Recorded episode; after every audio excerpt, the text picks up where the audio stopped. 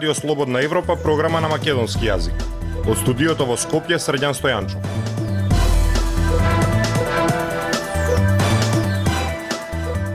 Ја слушате емисијата на Радио Слободна Европа, почитувани. Во неја објавуваме.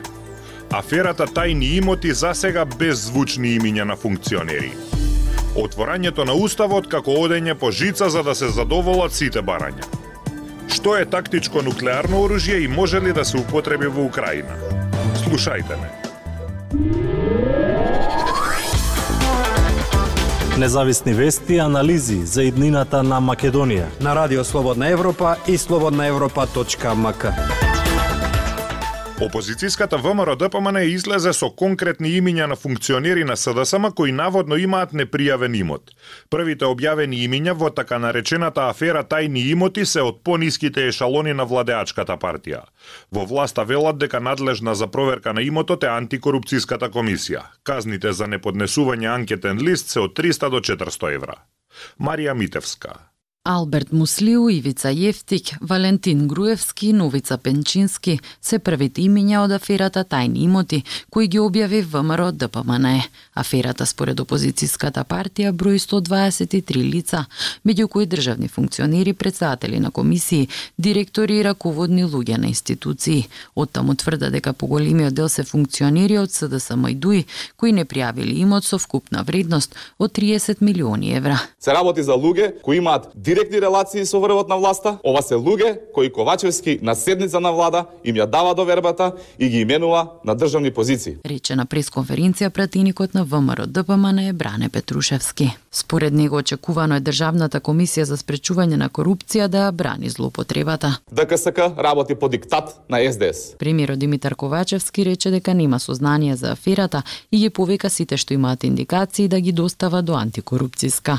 Секој функционер е должен се она што има стекнато во текот на својот живот да го пријави во својот анкетен лист, исто како што сум направил јас, рече премиерот Ковачевски. Предходниот ССМ излегува со реакција и исто како и Ковачевски ја повика ВМРО ДПМН доколку има информации за непријавен имот да ги достави до антикорупцијска. Во меѓувреме председателката на антикорупцијска Билјана Ивановска ја повика ВМРО ДПМН да поднесе пријави за нивните сознанија. Она што може да го направи како што посажи таа институцијата е да изрече глоба ова, доколку функционери имаат имот регистриран во катастара, не го пријавиле во анкетниот лист. Од голема помош за антикорупцијска според Ивановска ќе биде иставањето во функција на софтверот, кој ќе значи поврзување на сите институции.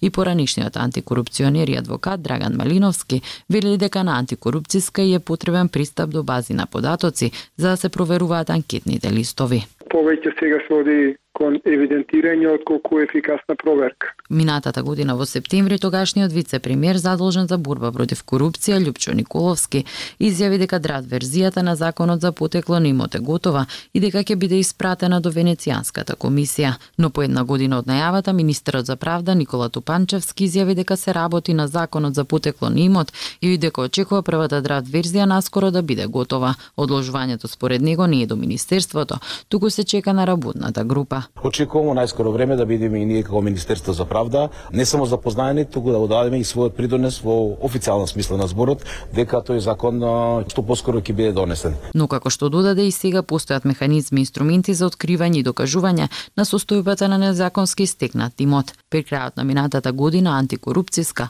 соопшти дека со парични казни од 300 до 400 евра биле казнети неколку функционери и именувани лица поради тоа што не поднели или задоцниле со поднесување анкетен лист. Казните за Малиновски повеќе се символични и не се никаква брана за да некој се обиде да прикрие нешто. Најавениот закон како што додава не очекува да донесе промени. Слободна Европа. Следете на на Facebook, Twitter и YouTube. Официјална Софија бара уставни измени и внесување на бугарите во преамбулата за откочување на македонските евроинтеграции. Секогаш кога има дебата за отворање на уставот, партиите на албанците бараат промена на формулацијата јазикот што го зборуваат 20% од населението во албански јазик. Дел од уставните експерти велат дека тоа ќе ја искомплицира состојбата, додека други посочуваат дека оваа дефиниција во уставот е несоодветна. Владимир Калински Се зголемува бројот на албанските парламентарни партии кои го истакнуваат барањето во уставот да биде избришана формулацијата 20% и да биде заменета со албански народ или албански јазик. Тоа го поставуваат како услов во случај уставот да биде отворен за да бидат вметнати бугарите во преамбулата, нешто кое треба да се случи за околу една и пол година и за што е потребно да гласаат најмалку 80 пратеници, откако власта во јули го прифати францускиот предлог за кревање на бугарското вето и одблокирање на интеграцијата кон Европската Унија. Партиите БСИ и Алијанса за албанците беа меѓу првите кои го изнесоа барањето, но деновиве и лидерот на ДПА Мендух Тачи имаше средба со председателот на ДУИ Али Ахмети за да му пренесе дека неговата партија донела резолуција која се однесува на промена на членот од уставот каде што формулацијата 20% во однос на албанците требала да се замени со соодветна формулација како албански народ, албански јазик за тоа што ќе значи доколку барањето биде прифатено, уставни експерти сметаат дека ваква промена нема значително да влијае на подобрување на уставот, а посочуваат дека сега не е соодветен ниту моментот за да се изнесе ова барање. Поранишниот председател на Уставниот суд Трендафил Ивановски не е уверен дека овие уставни измени ќе го напредат или подобрат квалитетот на највисокиот правен акт. Тој на ваквото барање повеќе гледа можност за уценување во момент при можното отворање на уставот за влез на другите народи кои имаат ваков интерес. Според него, ова барање повеќе ќе искомплицира состојбата во општеството. Сам дека по граѓански устав, тоа зависи колку ние ќе го применуваме уставот и колку ќе го сакаме уставот и решенијата кои што се во уставот. Ние имаме се прашања кои се и како демократски и убаво утврдени во уставот, меѓутоа кои што не се спроведуваат. Уставно не се спроведуваат. А ако вие не го спроведувате а уставот, тоа значи дека не ја спроведувате уставноста. Вели Ивановски. Професорот на правниот факултет на Тетовскиот универзитет Башким Салмани вели дека анализирајќи ја праксата и ставовите на албанските партии, не може со сигурност да се каже дека сите од нив ќе се обединат околу ова барање. Во однос на правниот аспект, тој смета дека формулацијата 20% во уставот е во спротивност со природното право. И тој тел не се задоволни ниту албанците, ни од страна на Македонија како политика дали се третира 20% или не. Зошто е поставено така и кој е резултатот за тоа и веќе правно не исполнува такви услови, затоа е предвидено да не се другите работи. Вели Салмани, формулацијата 20% во уставот во однос на албанците беше дадена по подпишувањето на рамковниот договор за ставање на крај на конфликтот до 2001 година. Тоа значеше дека низ цела Македонија и во низините меѓународни односи службен јазик е македонскиот, но и кој било друг јазик кој го зборуваат најмалку 20% од населението. Актуелности свет на Радио Слободна Европа. Од војната во Украина до неодамнешното ракетно тестирање на Северна Кореја се дебатира за тактичко нуклеарно оружје на начин невиден од студената војна. Деновиве зачестија изборувањата за така наречена валкана бомба, конвенционална боева глава со радиоактивни, биолошки или хемиски материјали. Повеќе од прилогот на Гоце Атанасов.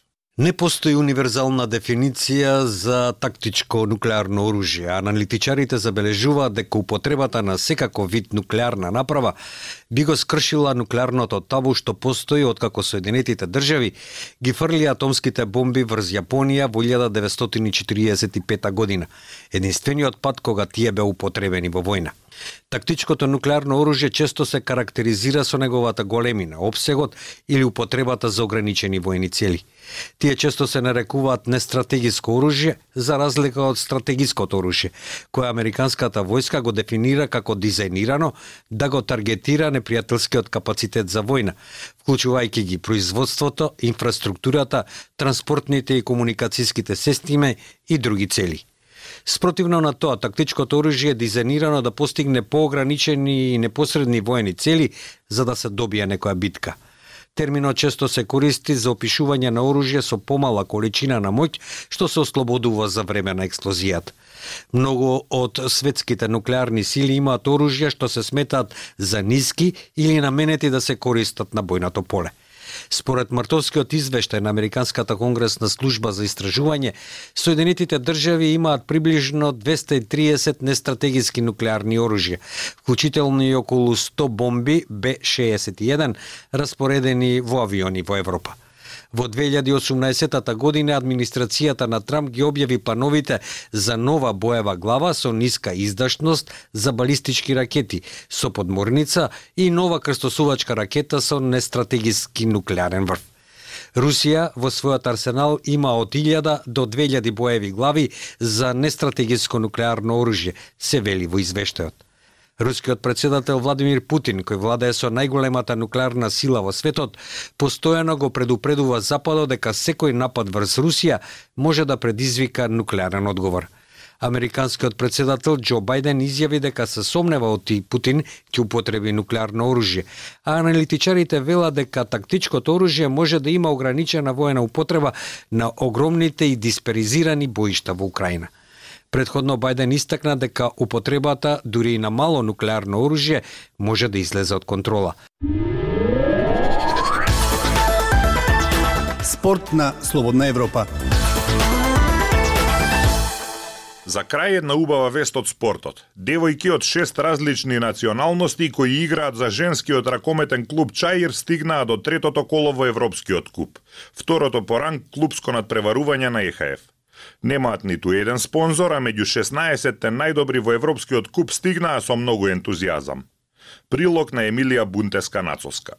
Со нула спонзори и малку помош, девојките од женскиот ракометен клуб Чаир стигнаа до најдобрите 16 тимови во Европа на второто по ранг клубско надпреварување на ЕХФ. Она што почнало како малска приказна во 2008, денес е сериозен клуб каде сепак се игра релаксирано. Од една страна тоа што немаме спонзор, малку ни е и една позитивна работа зашто не не притискаат за резултати. Значи од децава се играат, колку ќе стигнат толку добро е за нас.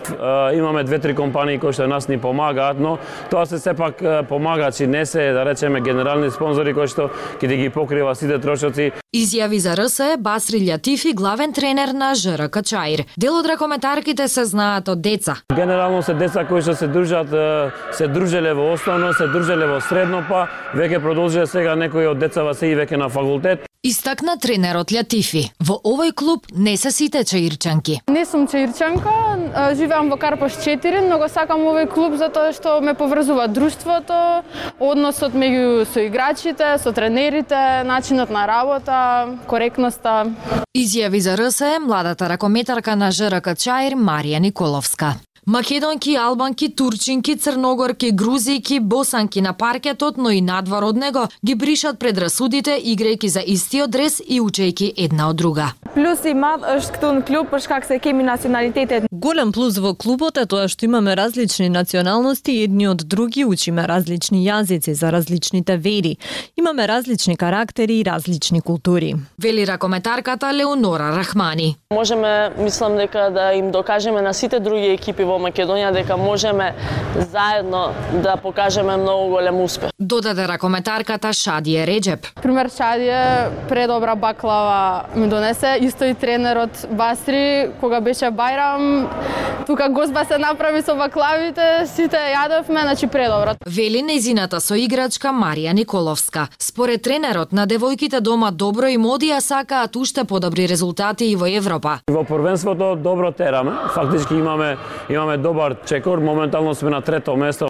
Ова година стигнавме до трето коло во ЕХФ Куп, што е, да речеме, и еден успех не само за Чаир како екипа, туку и за цела Македонија. Вели Тифи, мора да се полни со ентузијазам, но сепак реални додава лидерот на девојките, па немаат за цртана цел да бидат шампионки по секоја цена. Мислам дека уште едно коло би може да поминеме, но повеќе од четврт финале, мислам дека нема да имаме шанси да поминеме, веќе сепак тоа се екипи кои што имаат многу поголеми буџети, екипи кои што функционираат професионално, нашава и лига и нашиот клуб се полуаматерски, очекувањата се реални. Но во нивните очекувања стои надеж дека општеството ќе ги забележи ваквите клубови. Ја слушавте емисијата на Радио Слободна Европа на македонски јазик. Со вас беа продуцентот Дејан Балаловски и Средјан Стојанчо. До слушање.